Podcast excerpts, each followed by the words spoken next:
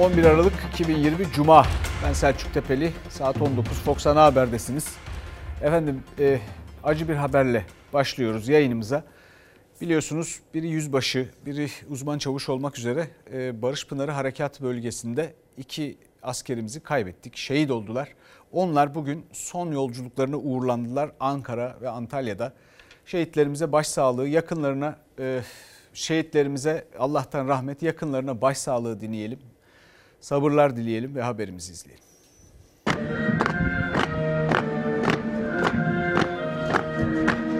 Teröristler bombalı araçla saldırdı. Hain saldırıda iki asker şehit oldu. Şehit ateşi Ankara ve Antalya'ya düştü. Suriye'nin Resulayn kentinde PKK-YPG'li teröristlerce yol kontrol noktasına bomba yüklü araçla saldırı düzenlendi. Saldırıda jandarma yüzbaşı Yasin Kurt ve jandarma uzman çavuş Oğuzhan Anar şehit oldu. 8 asker de yaralandı. Resulayn şehitleri Şanlıurfa'da düzenlenen törenin ardından memleketlerine uğurlandı. Şehit jandarma yüzbaşı Yasin Kurt Antalyalıydı.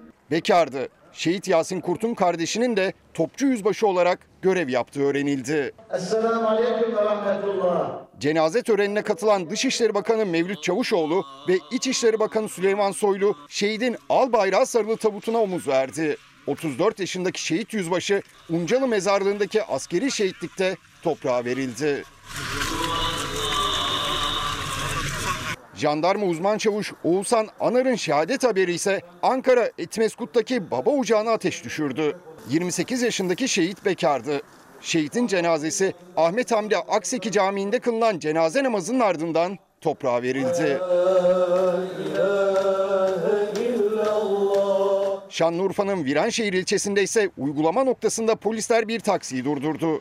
Taksideki PKK'lı terörist üzerindeki bombayı patlatamadan etkisiz hale getirildi. Efendim bu salgınla mücadelede e, canlarımızı kaybediyoruz. Orada da 220 can kaybımız vardı dün. E, insanlarımızı kaybediyoruz. Bugün zaten bu nedenle tabelamız kaybediyoruz oldu. E, bununla ilgili görüşlerinizi yazabilirsiniz ama asla umudunuzu kaybetmeyin. Önlemlerin de peşini bırakmayın.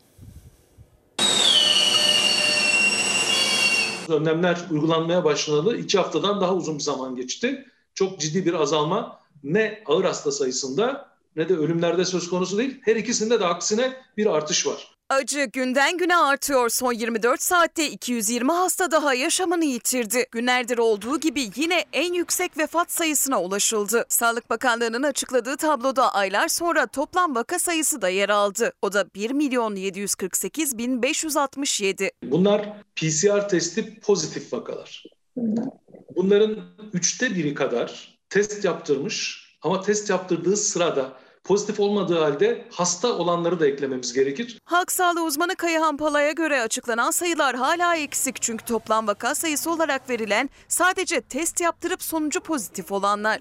En son vaka sayısı ise 28 Temmuz'un tablosunda verilmişti. O gün toplam vaka 228 bine yakındı. Aradan aylar geçti. Şimdi neredeyse 8 katı. Bu da vaka sayısının en kritik aylarda açıklanmadığını gösteriyor. Aynı aileden 5 tane koronadan kaybetmişik bir ay içinde. İki kardeşim, bir kardeşim ne oldu? İçi de bir kayınım, bir de kayınımın oldu. Allah kimseye bu hastalığı vermesin. Rize Güneysu'da en genci 24, en yaşlısı 53 yaşında olan 5 kişi de aynı aileden yaşamını yitirdi. Örnekleri çok. Üstelik vaka sayısı bu kadar fazla olduğu sürece ölümlerin de önüne geçebilmek zor Profesör Pala'ya göre. İstanbul başta olmak üzere birçok kentte sağlık sistemi yanıt veremez durumda. Bu koşullar daha uzun süre devam ederse ölüm sayısı çok daha yükselebilir. Alınan tedbirlerin etkisini hissetmeye başladık. Kısıtlamalarla elde edilen kazanımları kişisel tedbirlerle destekleyerek başarılı olacağız. Sağlık Bakanı Fahrettin Koca'ya göre tedbirler etkisini göstermeye başladı ancak günlük vaka sayısı hala 30 binin üzerinde. Halk sağlığı uzmanları çözüm tedbirlerin sıkılaştırılması diyor. Bu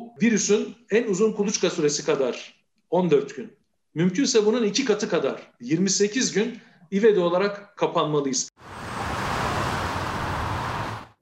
Aşı temini konusunda bilgileri sizinle paylaşıyoruz. Dünyada durum nedir? Başka başka ülkelerdeki detaylı organizasyonları anlatmaya çalışıyoruz. Türkiye'de durum ne? E, belli bir miktar aşı biliyorsunuz rezerve edildi ama yetmiyor. Onun yanında da kesin olan ona eklenecek ve vaktinde gelecek bir aşımız biliyorsunuz henüz yok. Bununla ilgili zaman kaybediyoruz elbette. Bu arada da can kaybediyoruz. Bakalım bu durum neymiş? Dünyada durum nasılmış? Biz hazır mıyız? Ee, onlar ne kadar hazır? Bir kıyaslayalım.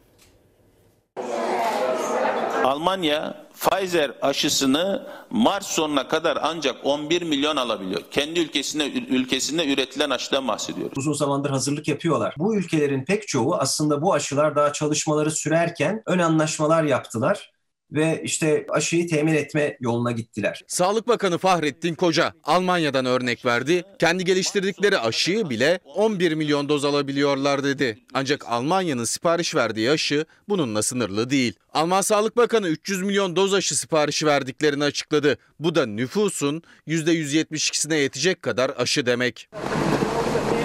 Almanya'da farklı noktalara aşı merkezleri kuruldu. Eksi 72 derecede aşıların tutulabileceği depolar hazırlandı. Aşı merkezlerinde giriş çıkış ayrı kapılardan olacak. Günde 1500 kişiye aşı yapılabilecek. FDA onay verdiği anda Amerika hani hemen ertesi günü başlayabilecek mi bilmiyorum. Gerçi tabii uzun zamandır hazırlık yapıyorlar. Bu bir yarar zarar dengesi. Amerika'da nüfusunun çok üstüne yetecek kadar aşı anlaşmasını aylar önceden yaptı. Fransa ise 1,5 milyar euroya yakın kaynak ayırdı. 200 milyon doz aşı aldı. 3 aşamada yapılacak aşılar bölgeye ve yaş grubuna göre planlama hazır. Tüm aşıların ücretsiz uygulanacağı Fransa en büyük lojistik operasyonuna geri sayımda üretim yapılan aşının bulunduğu yerler esas olarak bu ülkeler olduğu için tabii öncelik onlara tanındı. Bir diğer Avrupa Birliği ülkesi İtalya'da 120 milyon doz aşı alıyor. Aşıların hangi araçlarla taşınıp hangi yollardan şehirlere gönderileceğinin haritası çizildi. Özel soğutmalı ambulanslar ve helikopterler devrede olacak. Biz Şubat ayı sonuna kadar 50 milyona erişebiliyoruz ve bundan sonrası için de daha bunu arttırma çabası ve gayreti içindeyiz. Türkiye ise aşı siparişi sıralamasında dünyada 53. sırada. Şubat sonuna kadar 50 milyon Çin aşısı hedefleniyor. Ancak nasıl bir operasyon gerçekleştirilecek hala açıklanmış değil. Şimdilik net olan hangi gruplarla başlanacağı. Sağlık personelinin aşılanması tamamlandıktan sonra belki eş zamanlı olarak bu herhalde gelecek aşının miktarına bağlı olsa gerek 65 yaş üzerinde riskli grup dediğimiz grup aşılanmaya başlanacak. Ee, ondan sonra da gelecek olan aşının miktarına göre diğer gruplara aşı yapılmaya başlanacak. Ama o grupların ne olduğu konusunda kesin bir açıklama yapılmadı. Öncelik bu iki grupta gözüküyor. Çin aşısı denemelerinin klinik çalışmalarını yürüten Profesör Doktor Murat Akova'ya göre ilk partide gelecek 10 milyon doz aşıyla 5 milyon kişide bağışıklık sağlanması Şubat ayını bulacak. Bir defa aşılandıktan sonra ikinci doz aşıyı yaptırdıktan sonra bir en az 15 günlük süre geçmesi lazım aşının etkili olabilmesi için. Yani birinci doz aşıdan sonra da bir ay. O nedenle hani bugün aşılandınız yarın korunuyorsunuz demek değil. Şimdi efendim bir şeyi netleştirelim. Bu aşılarla ilgili rezervasyon sürecini, satın alma sürecini üstelik tek bir kaynaktan değil birkaç farklı kaynaktan tamamlayan ülkeler açıkladıkları dozları alacaklar. Onların bir takvimi var belli ama henüz pazarlık aşamasında oldukları netleşmemiş ya da kendilerine hedef olarak söyledikleri bir aşı yok. Yani bu işi bu bakımdan tamamladılar bir takvimi var. Biz uğraşıyoruz, pazarlık ediyoruz. Bir hedef belirliyoruz şu anda. O bakımdan o bakımdan zaman kaybediyoruz. Bu arada elbette yetersiz olduğumuz, canla başla uğraşılmasına rağmen, elden gelen yapılmasına rağmen yetersiz olduğumuz başka alanlar var. Mesela sağlıkçılarımız, sağlık çalışanlarımız ne onların imkanları yetiyor ne de onların sayıları mücadeleye yetiyor. Fedakarca uğraşıyorlar. Herkes elinden geleni yapıyor ama bununla ilgili de e, sıkıntılarını dile getirmeye çalışıyorlar fakat sesleri kısılıyor. Dikkat dikkat. Lütfen dağılın. Saygı duruşu bile yapmamıza izin vermediler. Ölüyoruz biz ölüyoruz. Ama Sağlık Bakanlığı sağlık çalışanlarını görmüyor. Sağlık Bakanlığı'nın önü polis ablukasının gölgesinde taleplerini iletmeye, hayatını kaybeden sağlık çalışanlarını anmaya gelen sağlık emekçileri var. Bir de polis engeli. Kanundan işlem yapılacaktır hakkınızda. Polis şu anda bir barikat kurdu ve gazeteciler olay yerinden görüntü alamıyor. Zaten benimle muhatap olamazsın. Neden? Özelliğimiz ne? Arkadaşlar bir açın insanları yürüyemiyor ya. Bir açın. Her gün bir tane sağlık emekçisi hayatını kaybetmekte. 50'şer 50'şer hastalanıyoruz arkadaşlar. Pandemiyle mücadelede en ön safta yer alıyor, en ağır yükü omuzluyor sağlık çalışanları. Gece gündüz mesai yapıyorlar ve alın terinin karşılığını istiyorlar. Bu nedenle toplandılar Sağlık Bakanlığı önünde. Önce hayatını kaybeden sağlık çalışanlarını anmak istediler. Polis yasak dedi, izin vermedi. Lütfen buradan dağılın. Dağılmadığınız takdirde hakkınızda yasal işlem yapılacaktır. Sadece anma yapıp karanfil bırakacaktık. Sağlıkçılara bile izin. Sağlıkta atama, hakkaniyetli ücret artışı ve sosyal haklarının iyileştirilmesi talepleri. Ama en öncelikli istedikleri Covid-19'un tüm sağlık kuruluşlarında çalışan tüm emekçiler için meslek hastalığı sayılmasıydı. Ama Çalışma Bakanı'na göre bu zaten öyle. Bütçe görüşmelerinde yanıt verdi. Eğer çalışan işçi 4A statüsündeyse bu meslek hastalığı kapsamında oluyor. Memursa da vazife malulü kapsamında oluyor. Dolayısıyla var olmayan bir sorunu konuşuyoruz aslında. İtirazımız şu. ısrarla burada illiyet bağı istiyor. Ne demek yani siz bunu kanıtlayacaksınız. Bu hastalığı hastanede oradan kaptığınızı kanıtlayacaksınız şeklinde bir illiyet bağı ısrarla istiyor. Oysa ki bütün sağlık çalışanları daha sık maruz kalıyorlar. Şu ana kadar bize ulaşmış olan 5 başvuru var. 5 başvurunun ikisi memur statüsünde ve biz ikisini de vazife malulü kapsamında aylıklarını bağladık. Bu açıklama tamamen sağlık çalışanları açısından bunu daraltan bir yere sıkıştıran ve uzun süre mahkeme süreçleri devam ettiren kazanım sağlamayan bir durum. Ankara Tabip Odası Başkanı Ali Karakoç risk herkes için eşit ama memurun illiyet bağı şartı yüzünden mağdur olacağını söylüyor. Seslerini duyurmaya çalışıyor. Polis izin vermedi. Onlar bakanlığa taleplerini dilekçeyle sundu. Şimdi efendim bir şu manzaraya bakıldığında sorulacak çok basit bir soru var ve emin olun bu soruyu sorduğumuz insanlar bunu yürekten anlayacaklar. Şimdi polis kardeşlerimiz de biliyor ki kendileri ya da bir yakınları rahatsızlandığında Allah korusun. Bu doktorlar, bu sağlık çalışanları onlarla ilgilenecek, hayatta tutmaya çalışacak, iyileştirecekler. Bu önemli. Bu insanlar salgınla birlikte mücadele ediyorlar bir yandan da. Yani doktorlar salgınla en ön saflarda mücadele ederken polisler, güvenlik güçleri, jandarmalar da bakın gece gündüz yollarda önlemleri izliyor, önlemlere uyulmasını sağlamaya çalışıyor. Doğrusunu isterseniz bunu nazikçe yapıyorlar ve iyi yapıyorlar. Sağlıkçılar da bu şekilde bir teşekkürü hak ediyor. Yani seslerini duyurma hakları, ifade özgürlüğü hakları olmalı bu insanların. Çünkü pek çok sıkıntıları var. Çünkü yorgunlar. Çünkü bir haber hürriyeti var ve onu onu kullanmak istiyorlar. Ama izin verilmiyor. Bence orada empati birbirlerini anlamalarının önünde hiçbir engel yok. Yeter ki yöneticiler buna bu şekilde bakabilsinler. Kaldı ki mesela 3600 ek gösterge sağlıkçılara da söz verildi, verilmedi. E polislere onlara da söz verildi 3600 ek gösterge, onlara da verilmedi. Öğretmenlere de öyle. Aynı dertlerin e, sahibi bu insanlar. Aynı şeylerle mücadele ediyorlar. Efendim bu arada sağlıkçılarımızın kumanyasını göreceksiniz. Şimdi arkada bu fotoğrafa dikkatlice bakın ne olur. Çünkü e, bazı hastanelerde yemekhaneler kapalı bu koronavirüs önlemleri e, nedeniyle.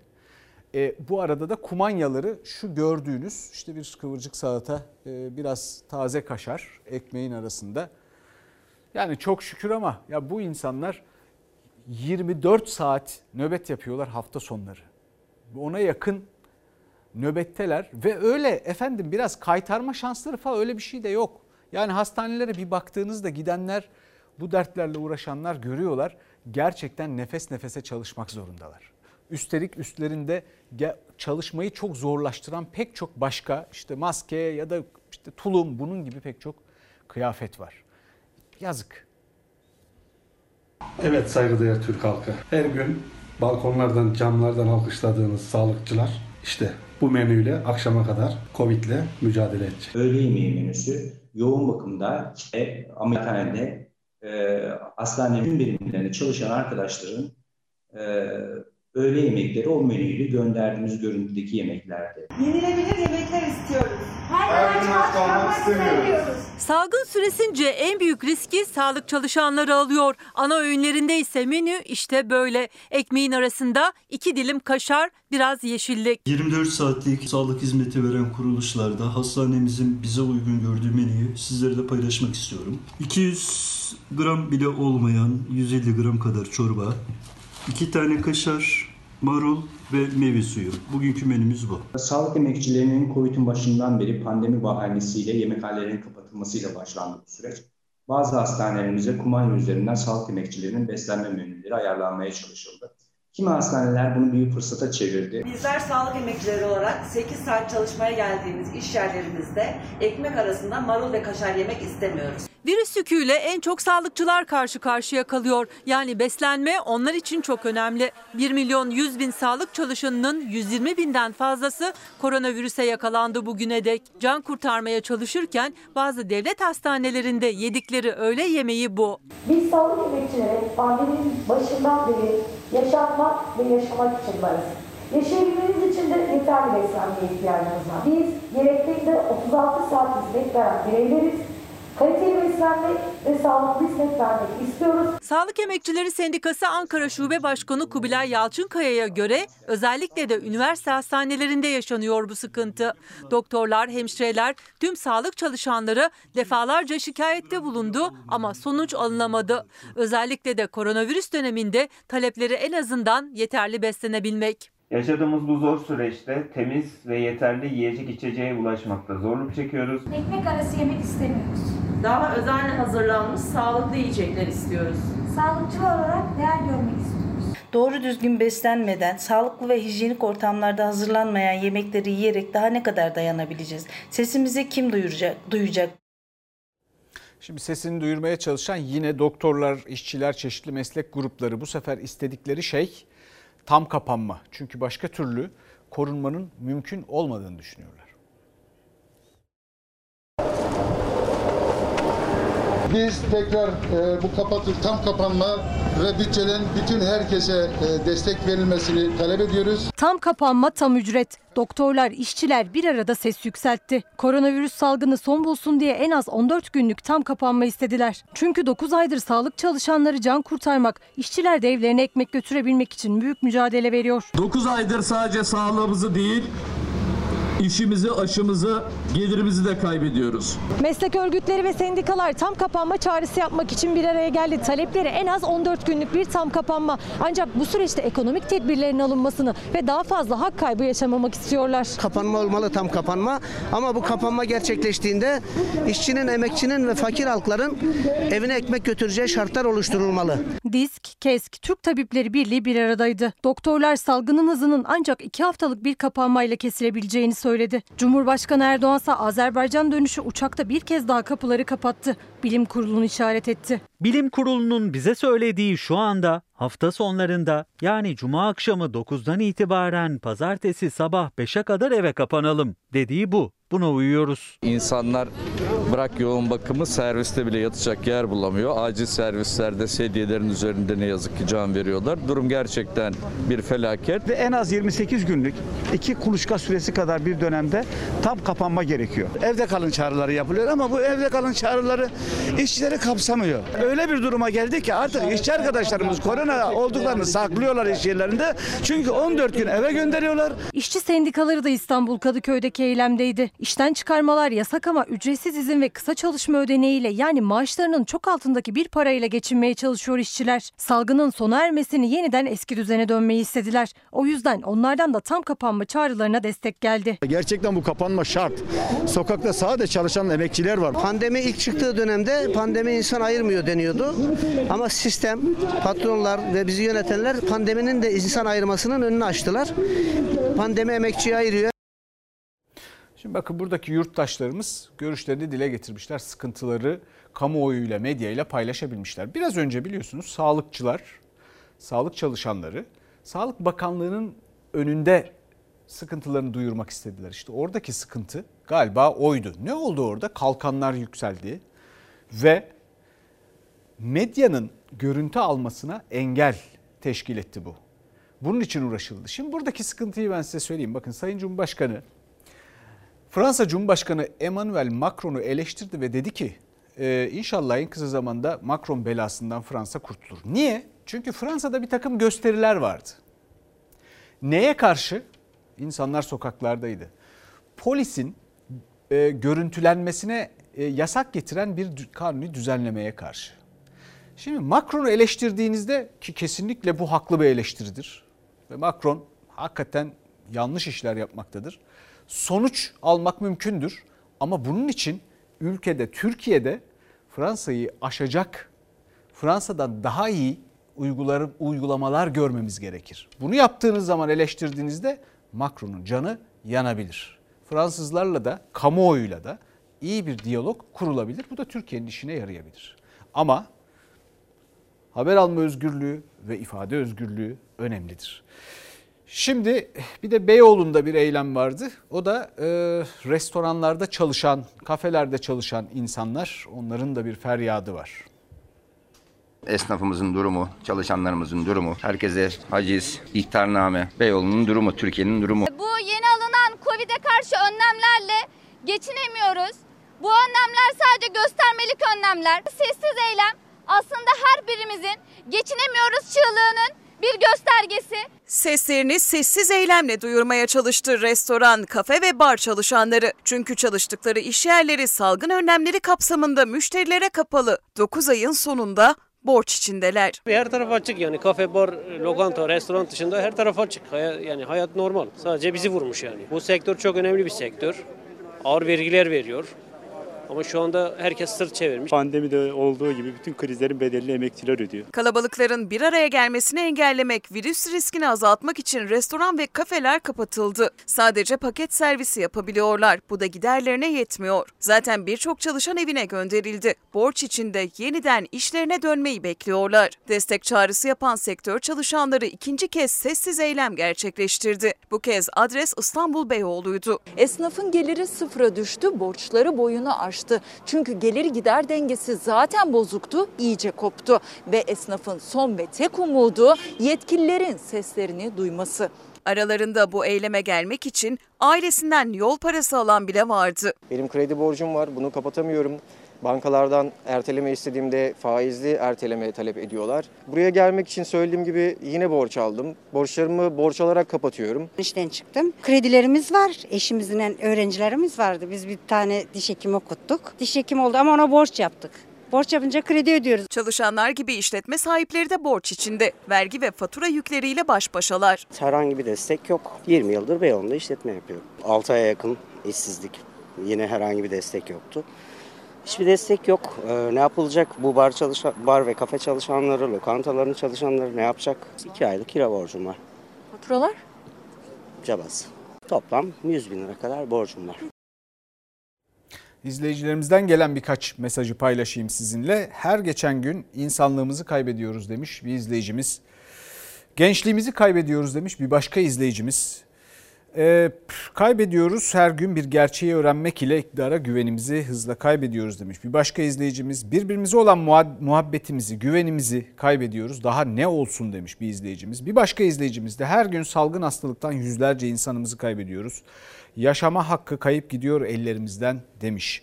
Bunların hepsi insanı endişelendiren, hayatta kaygı veren çok korkutucu şeyler. Ama emin olun bundan dolayı kaygılananlarımız varsa aramızda ve bunların sayısı hiç de az değildir. Emin olun bunları kaybetmeyeceğiz. Eksileni de yerine koyacağız. İnsanlarımız geri gelmeyecek. O başka bir şey. Can başka bir şey ama insanlığımızı kaybettiğimizi düşünmüyorum. İnşallah haklı çıkarım. Efendim şimdi bir de servisçi esnafının şikayetlerine bakalım. Onlar da ipotekli araçlarıyla çok zor durumda olduklarını söylüyorlar. Bir de önerileri var ki ben bunu önemsiyorum. Toplu taşımda veya insan taşımakta zaten pek çok eksik var bu konuşuluyor. Biz çalışamıyoruz acaba burada bize bir rol verilemez mi diye soruyorlar. Şu anda yattığından dolayı burada trafik sigortasını ödeyemedik. Muayenesi yok, kaskosu yok. Trafik sigortası olmadığından dolayı bu araç şurada hareket ettiği an bağlanıyor. Trafikten men. Zaten çalışmıyor. Ben nasıl bunu hareket ettireyim? İş olacak ki ben bunu hareket ettireyim. 30 yıldır ben düzenli olarak gelir vergimi ödüyorum ama 2020 yılını ödeyemedim. Evimizi aş, aracımıza iş bulamıyoruz. Servisçiler çok dertli. Salgın nedeniyle okullar kapalı. Onlar da aylardır çalışmıyor. Araçları otoparklarda yatsa da her ay başta sigorta ve vergilerini ödemek zorundalar. Ama artık dayanacak güçleri kalmadı.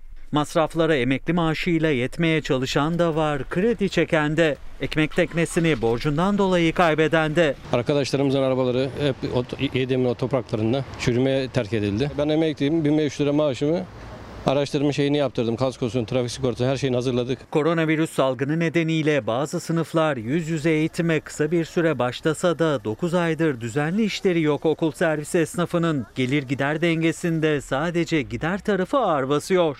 Gelir zaten hiç yok. Muayene yaptıramadık. 600 küsür lira muayenetim. 2500-3000 civarında trafik sigortası tutuyor. Motorlu taşıtlar vergisi var. 2000 liraya yakın. Muhasebe giderlerimiz var. Şu anda 9 aydan beri yattığından dolayı bu arabanın eğer hareket edebilmesi en az 10-15 bin lira masraf yapmam lazım ki şu anda çalışma haline getireyim. Bu arabanın durduğu yerde her ay 2500 lira gideri var. Burası İstanbul'da bir okulun bahçesi, servis araçları ise okulların bahçesinde aylardır çalışmıyor, bu şekilde bekliyor. Servisçi esnafı ise başta vergi, kasko, sigorta gibi birçok masrafını her ay ödemek zorunda.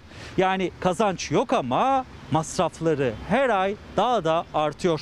Üstelik birçoğu çalışmadığı gibi nefes olsun diye çektikleri kredileri de ödeyemedi. Servisçi esnaf burada mahvolmuş. Yani servisçi esnafın çaresiz durumu var. Esnaf destek kredisini ödeyemeyen servis esnafından biri de Ahmet Özsoy kredi çekti ama o kredi taksitlerini ödeyemedi. Üstelik krediyi çekebilmek için ekmek teknesini yani bu aracı teminat olarak göstermişti. Şimdi kara kara aracım elimden gider mi diye düşünüyor.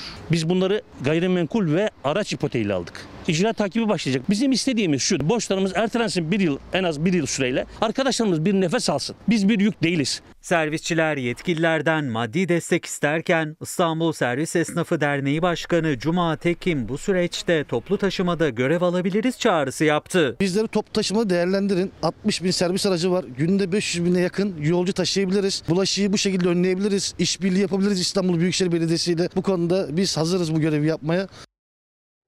Efendim biraz da Instagram'dan mesajlar okuyalım. Bir izleyicimiz demiş ekonomik kriz ve işsizlik yüzünden hayatımızı kaybediyoruz. Şeffaflığı kaybediyoruz, samimiyeti kaybediyoruz, güvenimizi kaybediyoruz. Bunlar çok önemli. Yani şeffaflığı kaybediyoruz. Bunun güvenle ilişkilendirilmesi bir izleyicimiz tarafından o kadar doğru bağlantılar ki. Maske mesafe kurallarına dikkat etmeyerek sevdiklerimizi kaybediyoruz. Bir izleyicimiz demiş ki görüşlerimizi söylesek kimin umurunda? Efendim bizim umurumuzda. Ee, ülke olarak her şeyimizi kaybediyoruz. Allah sonumuzu hayır etsin. Bu ülke büyüktür emin olun. Ee, kaybetmeyeceğiz yani kazanırız. Ee, bu arada eh, Türkiye'de siyaset Ankara'da e, tam gazıyla e, devam ediyor. Bir takım polemikler var, bir e, takım tartışmalar var, tansiyon yüksek. Son konu e, taciz tartışmaları. Cumhurbaşkanı Erdoğan AK Parti genişletilmiş il başkanları toplantısında konuştu ve e, gündemdeki bir başlık e, CHP'deki taciz iddialarıydı. Can sıkıcı konu CHP'deki tecavüz, taciz, hırsızlık furyasıdır. Utanç duyuyoruz. Cumhurbaşkanı Erdoğan ilk kez konuştu. CHP'de taciz iddiaları üzerine. CHP lideri Kılıçdaroğlu'na da o iddialar sorulduğunda gereği yapıldı demişti ama Cumhurbaşkanı hem Kılıçdaroğlu'nu hem parti yönetimini tepki göstermiyorlar diye suçladı. Mecliste de tansiyon yüksekti. Her tecavüzün hesabını vereceksiniz. Her hırsızlığın hesabını vereceksiniz. Kılıçdaroğlu da tek kelime etmiyor. Temel ahlaki kurallar konusunda gereği neyse anında yaparız. Yapıldı mı yapıldı. Taciz, tecavüz, şiddet kimden gelirse gelsin karşısında duruyoruz. CHP ve HDP gibi kafamızı kuma gömmüyoruz. Sen oradan susacaksın.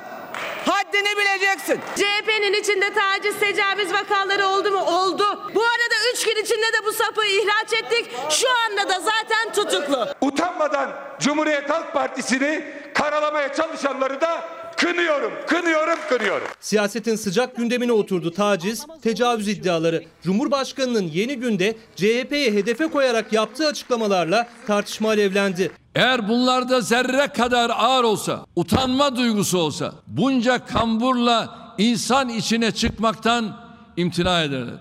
Biz taciz olayında bir seferden bir şey olmaz diyeni partinin içinde tutmayız. Hele hele bakan koltuğunda hiç tutmayız. Gündemi değiştirmek istiyorlar. Derine inildikçe daha neler çıkacak? Kılıçdaroğlu amaç gündem değiştirme demişti Cumhurbaşkanı. Sadece CHP'ye yüklenerek kurdu cümlelerini ama mecliste AK Parti grubu hem CHP'yi hem de HDP'yi karşısına aldı. Başka bir milletvekiliniz kendi eşini dövmüş. Daha uzağa gitmeye gerek yok. Şu anda ikisi de partimizin üyesi değil. Soruyorum. Nadire Kadirova milletvekillerinin evinde ölü bulundu ya. Bundan ötesi var mı? Karşılıklı iddialar, suçlamalar, sözlü tartışmalar. Siyaset taciz iddialarıyla gergin. Tansiyonun çok yüksek olduğu konulardan biri de Katar biliyorsunuz. Katar'ın Türkiye'deki yatırımları ve özellikle tank palet meselesi, fabrikası. Şimdi bununla ilgili tartışmalar sürerken mecliste Trabzon, Cumhuriyet Halk Partisi Trabzon Milletvekili Ahmet Kaya bir liste çıkarttı. Şimdi göreceksiniz görüntülerde de o kadar uzun bir liste ki koltukların arasından koridorlardan filan. Orada CHP'nin yaptığı e, fabrikalardan AK Parti'nin sattığı fabrikalardan bahsediliyor listede. Ülkemizin savunma sanayine yapılan hiçbir saldırı masum değildir. Her saldırının gerisinde sinsi ve alçakça bir niyet vardır. Ama milletimiz bu defa CHP zihniyetinin ülkeyi bir yarım asır daha geriye götürmesine izin vermeyecek. Bakın arkadaşlar şu listede AKP'nin 18 yılda sattıklarının listesidir. Buradan atıyorum. Bakın arkadaşlar. Bakın. AK Parti'nin yapmış olduğu hizmetler Edirne'den Kars'a kadar gidiyor. Meclis Genel Kurulu'nda CHP'nin açtığı metrelerce uzunluğunda içinde tank palet fabrikasının da olduğu satılanlar listesi vardı. Cumhurbaşkanı Erdoğan'ın gündeminde ise yine tank palet fabrikası peşkeş çekildi iddialarına yanıt. Erdoğan savunma sanayi üzerinden yapılan saldırılar dedi CHP'ye hedef aldı. Katarlı olunca alçakça üzerine saldırmaları ruhlarına sinmiş faşizmin işaretidir. Nefret dilini en ağır şekilde kullandı. 18 ayda üreteceğiz deyip de üretemedikleri tankların hesabını vatandaşa verdi mi? Hayır. Erdoğan CHP'ye yatırımcı Katar olduğu için itiraz ediyorsunuz diye seslendi. CHP Altay tankının teslim süresinin üzerinden 2 yıl geçtiğini hatırlattı. Mecliste de CHP'li Ahmet Kaya'nın AK Parti'nin sattıkları diye açtığı 15 metrelik uzun listenin hareketliliği vardı. Dediler ki Cumhuriyet Halk Partisi'nin dikili bir ağacı yok. Cumhuriyet Halk Partisi'nin bu ülkeye yaptıklarını şöylece şöylece bir liste halinde sizler de görün arkadaşlar. Şu elimdeki liste de AKP'nin 18 yılda sattıklarının listesidir. Buradan atıyorum. Bakın arkadaşlar. Biraz evvel bir şov izledik ama şunlar toplansın insicamı bozuyor. Fark bu. Cumhuriyet Halk Partisi'nin 80 yılda yapabildikleri ancak kürsüden kendi sıralarına kadar gelebiliyor. Orduya hakaret eden şerefsizdir, alçaktır. Ama şeyde kelle diyen daha büyük şerefsizdir, alçaktır. Satılan fabrikalar listesi. Bir gün önce de AK Parti grubunun ordu tartışmasını gündeme getirmesiyle CHP'li vekil Ali Mahir Başarır'ın sert çıkışı yankılandı kürsüden. Alnım açık beyefendi bana laf atmayın. Benim askerlik terhis belgemde postal kokusu var. Senin arkadaşların da dolar kokusu var beyefendi. Efendim bu Katar meselesiyle ilgili de tekrar üstünde durmamız gereken önemli bir nokta var. Bu bazen unutuluyor, kaçıyor, bir detay olarak kalıyor. Yabancı yatırımlara Türkiye'nin ihtiyacı var. Türkiye ekonomisi dış borçla büyüyebilen bir ekonomi. Bu yapısal meseleyi Türkiye çözemedi. Çözmek zorunda. E, ama bunu çözebilen bir iktidar çıkmadığı gibi son 20 yılda da aynı durumda hatta daha kötü bir vaziyette olduğumuz açıkça ortada. O yüzden bir takım reformlar peşindeyiz. Ve reformlar da aslında bu dışa bağımlılığın önüne geçmek için. Yalnız öyle yanlış, öyle olmaması gereken bir taraftan bu Katar e, yatırımları meselesi sürdürülüyor ki zaten ihtiyaç olan şey şeffaflık. Yani bu insanların bütün bu olan biten başkalarının yaptığı yatırımlar ve neleri satın aldıklarına dair bilgilenmek istemesi ama bu konuda bilgilenememeleri Türk ekonomisinin yapısal sorunlarından bir tanesi budur. En önemli meselelerden biri budur. Yabancı yatırımcının çeşitlenmesi ve daha artabilmesi için dünya piyasası Türkiye'de bunu görmek ister. Ama bu yok. Şimdi Katar meselesindeki konu aslında budur. Yani onlar neyi aldılar, neye aldılar, kaç paraya aldılar, ne kadar süreyle aldılar, nasıl aldılar falan filan. Bunların açıklanması lazım. Bunun gibi başka pek çok konunun da açıklığa kavuşturulması lazım. Ekonomi böyle yoluna, rayına hiç olmazsa bir ölçüde girebilir belki. Evet bu arada bu salgınla ilgili bugün İstanbul'da inanılmaz bir trafik var şu anda da. Şimdi hafta sonu e, bir e, sokağa çıkma kısıtlaması var biliyorsunuz. E, ve saat 9'da başlayacak bugün. Bunun içinde belki şehrin dışına çıkmak isteyenler var. Belki efendim işte alışverişini yapmak isteyenler ya da işten çıkanlar %75-80'lerde bir trafikte sıkışıklık, yoğunluk oranı var. İnanılmaz. İnanılmaz. Bu arada da Ipsos'tan yeni bir araştırma geldi. Mesela bu salgınla mücadele nasıl gidiyor, salgın nereye doğru gidiyor sorusuna e, Türkiye genelinde %47 kötü gidiyor, %25 çok kötü gidiyor demiş. Bu arada da e, İstanbul'da e, kötü gidiyor diyenler %48, çok kötü gidiyor diyenler %26 salgınla mücadele. Türkiye'nin de İstanbul'un da İstanbul'a giriş çıkışlar yasaklansın mı sorusuna cevabı İstanbul %84 İstanbullular evet demiş. Türkiye genelinde ise %80 e, oranında evet sonucu çıkmış. Şimdi bu gördüğünüz de yoğunluk haritası.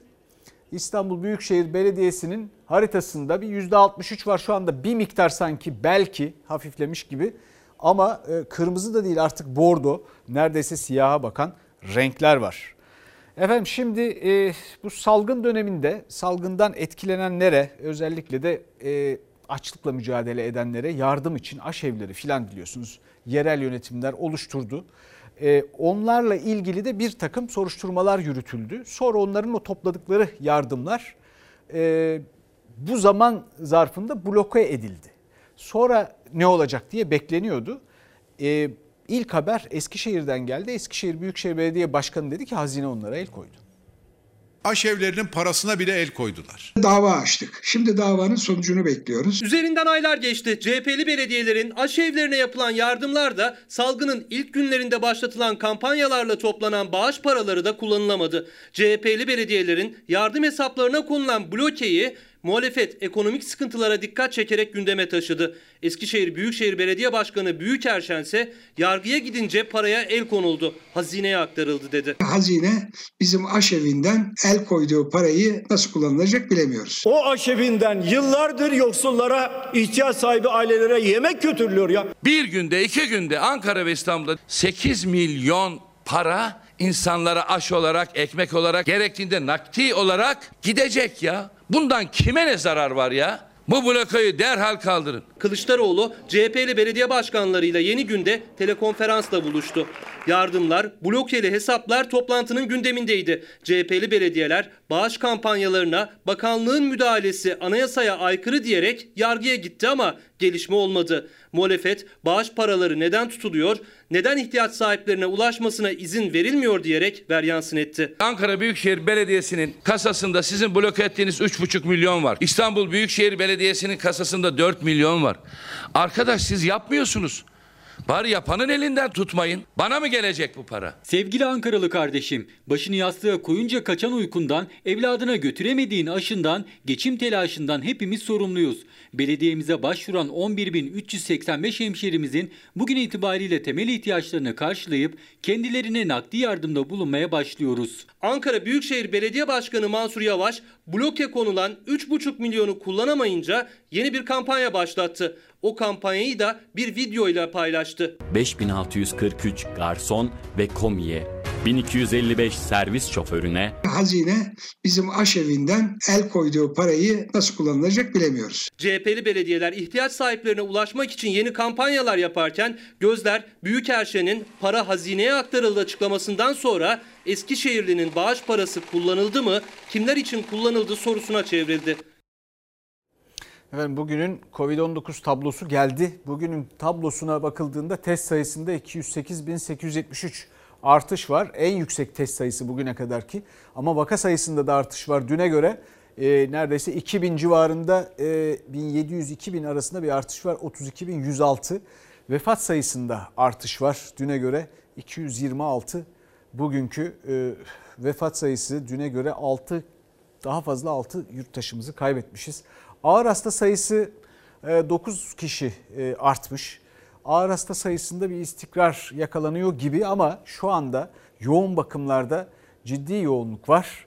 E, yani öyle bir yoğunluk ki bu 70 75 80'lerde. Şimdi orada kalan %25'lik 30'luk %20'lik boşluğu dolabilecek bir boşluk olarak düşünmeyin. Yani onu şöyle örneklendirelim. Herhangi bir otomobilin e, hız kadranında ne yazıyorsa o hızın tamamını gaza bastığınızda gidemeyebilirsiniz. Ona erişemeyebilirsiniz. Erişemezsiniz. Şimdi bu da e, onun gibi oradaki e, organizasyonun işleyişin devam edilmesi için zaten o kadar boşluğa ihtiyaç var demektir. Yoğun bakımlar şu anda tümüyle dolu demektir. bir şey daha söyleyecektim. toplam vaka sayısı 1 milyon 780 bin 673 toplam vaka sayısı ilk kez dün açıklandı. E, uzmanlar o sayı da gerçeği yansıtmıyor diyor ama işte tabloda e, bu salgının başladığından beri ne değişiklikler yaşandığını zaten buradan takip ediyorsunuz. Biz de ne kadar peşindeyiz görüyorsunuz. Bir noktaya geldik efendim. Şimdi asgari ücretle ilgili görüşmeler sürüyor biliyorsunuz ve Türk İş heyetinde bir işçi temsilcisi var engelli bir işçi Özgül Yardımcı. E, kendisi asgari ücretle nasıl geçinilemediğini anlattı. Ben kızımı fen lisesine gönderemedim. İyi bir yer tutturursa ya da diş hekimliğini istiyor. Acaba oraya gönderebilir miyim? Masraflarına yetebilir miyim? Onu da bilmiyorum. Akıllarında bitmek bilmeyen sorular, önlerinde aşılması gereken sorunlar var asgari ücretlinin. İşte o örneklerden biri Özgül Yardımcı. Geçim derdini, maddi yetersizliği nedeniyle kızını neden fen lisesine gönderemediğini anlattı. Aynı cümleleri bir kez de asgari ücret pazarlık masasında kurdu. Çünkü kendisi aynı zamanda pazarlık masasında oturan işçi temsilcisi lisesi. Mesela benim çocuğum neden fen lisesinde okuması gereken bir çocuğum Anadolu Lisesi'nde okuyor? Yani benim çocuğumun hakkı değil miydi? Servis ücreti çıktı 500 lira. Yemek çıktı 200 lira. Asgari ücretle çalışan bir insanım. Özgül Yardımcı iki kız çocuğu annesi. Taşeron işçilikten kadroya geçtiği Adalet Bakanlığı'nda engelli kadrosunda asgari ücretle çalışıyor. Eşi işsiz ama okuması gereken iki kızı, tütmesi gereken bacası ve kaynaması gereken bir kazanı var. İşte o da tüm bunları neden yapamadığını anlattı. Dün gene markete girdim. Bir zeytinyağı aldım bir de yumurta aldım 90 lira para verdim. 2300 lirayla tabii bunun faturaları var, kirası var, çocukların masrafı var. Giyim kuşam hiç yok. Resmen açlık sınırı diyebilirim. Türk İş'in işçi heyetinde yer aldı Özgül Yardımcı pazarlık masasında. O günde, bugün de taleplerini çok net anlattı. Ama gözler 15 Aralık'ta ikinci toplantısını yapacak tespit komisyonunda ve henüz tam talebinde renk vermeyen işçi temsilcisi Türk İş'te. 7 milyon onun ailesi ülkenin %40'ı oluyor. Tebessüm edecek, mutlu olacağı bir rakam bekliyor. Efendim biliyorsunuz e, Avrupa Birliği'nde liderler zirvesinde iki gündür Türkiye'ye yaptırımlar filan konuşuluyor. Şimdi bu yaptırımlarla ilgili Türkiye'de de bir ele alış biçi, alınış biçimi var. Bu yaptırım konusunun meselesinin gündemden de düşmüyor filan. Ama Türkiye'nin Avrupa Birliği ile Avrupa ile ilişkilerinde buradaki ele alınışından kaynaklanan bir sorun var daima. Ve bu bizi bu işlerde zararlı çıkartıyor. Yani siyasette de öyle, medyada da öyle, Bununla ilgili e, birkaç noktaya e, bakmakta fayda var. Şimdi bunlardan bir tanesi bir defa bu söz konusu görüşmelerde yaptırım niye düşünülüyor? Çünkü Türkiye'nin Akdeniz'deki çıkarlarını korumasından hoşlanmayan Avrupa Birliği üyeleri var. O yüzden buradaki yaptırım görüşmeleri ve sonundan çıkan bu görüşmelerin sonunda çıkan birkaç kişiye evet bazı e, işte birkaç şahıs üzerinden veya şirkete yaptırım konusu beyhudedir. Beyhudedir çünkü Türkiye'nin Akdeniz'deki çıkarlarının e, önüne geçmek ya da Türkiye'nin bunlardan vazgeçmesini savunmak Avrupa Birliği'nde de taraftar bulmuyor, bulmaz saçma zaten. Saçma. Ama bütün bugün de gündeme gelen ama daima aslında bizim konu başlıklarımız arasında önlerde olması gereken başka bir mesele var. Bakın bizim Türkiye'nin Avrupa Birliği ile ilişkilerinde elde edebileceklerinin farkında olmadığı için böyle yaptırım görüşmelerinden efendim az hasarla çıkmasından memnun olmak gibi bir başka saçmalık var. Bir defa bunların o gündeme geliyor olması, kamuoyunda veya medyasında Avrupa Birliği'nin konuşuluyor olması Türkiye'ye zarar veriyor. Öbürü başka bir konu da şu. Türkiye elde edebileceklerini hayal bile etmediği için, bunların peşine düşmediği için buradan ettiği zarar hiç hesaplanmıyor ama inanılmazdır. Çünkü Türkiye yazılı olan esastır Avrupa Birliği'nde. Türkiye Avrupa Birliği üyesi olacak şeklinde biter o cümle. Evet ne zaman nasıl o başka bir konu. Ama Türkiye Avrupa'dan azami fayda sağlamak onların arasında bulunmak zorundadır. Bu bir dakikada da bu konudan ve Amerika Birleşik Devletleri ile ilişkilerden birkaç notla devam edeceğiz. Şimdi bir reklam arası. Efendim bu Avrupa Birliği'nin meselesinden devam ediyor. Bitmez elbette. Vakit oldukça yeniden paylaşırım. Şimdi yöneticilerimize naçizane tavsiyem şudur. Yani aşağı yukarı 12 yılımı Avrupa Birliği, Avrupa filan bu tür şeylerle, okullarla filan harcamış biri olarak söylüyorum. Margaret Thatcher'ın eski İngiltere Başbakanı 20 Eylül 1988 tarihinde Belçika'da Brüj'deki College of Europe'da yani e, bir okulda yaptığı bir konuşma var. Orada Türkiye için güzel, e, kullanışlı ifadeler var. Bir defa Avrupa'nın herhangi bir kurumunun İngiltere'nin Avrupalılığını sorgulayamayacağını söylüyor. Sonra ülkelerin kendi özgün hikayelerini korumalarının yani mesela İspanya'nın İspanya gibi kalmasını, Fransa'nın Fransa gibi kalmasının, İngiltere'nin İngiltere gibi kalmasının Avrupa'yı daha büyük yapabileceğini söylüyor.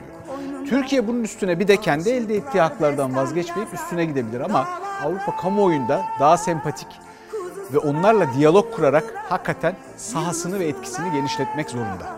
Bizden bu akşamlık bu kadar. Bizden sonra bir Türk filmi var Ayla. Ee, iyi hafta sonları. Sağlıkla kalın. Pazartesi görüşmek üzere. Island.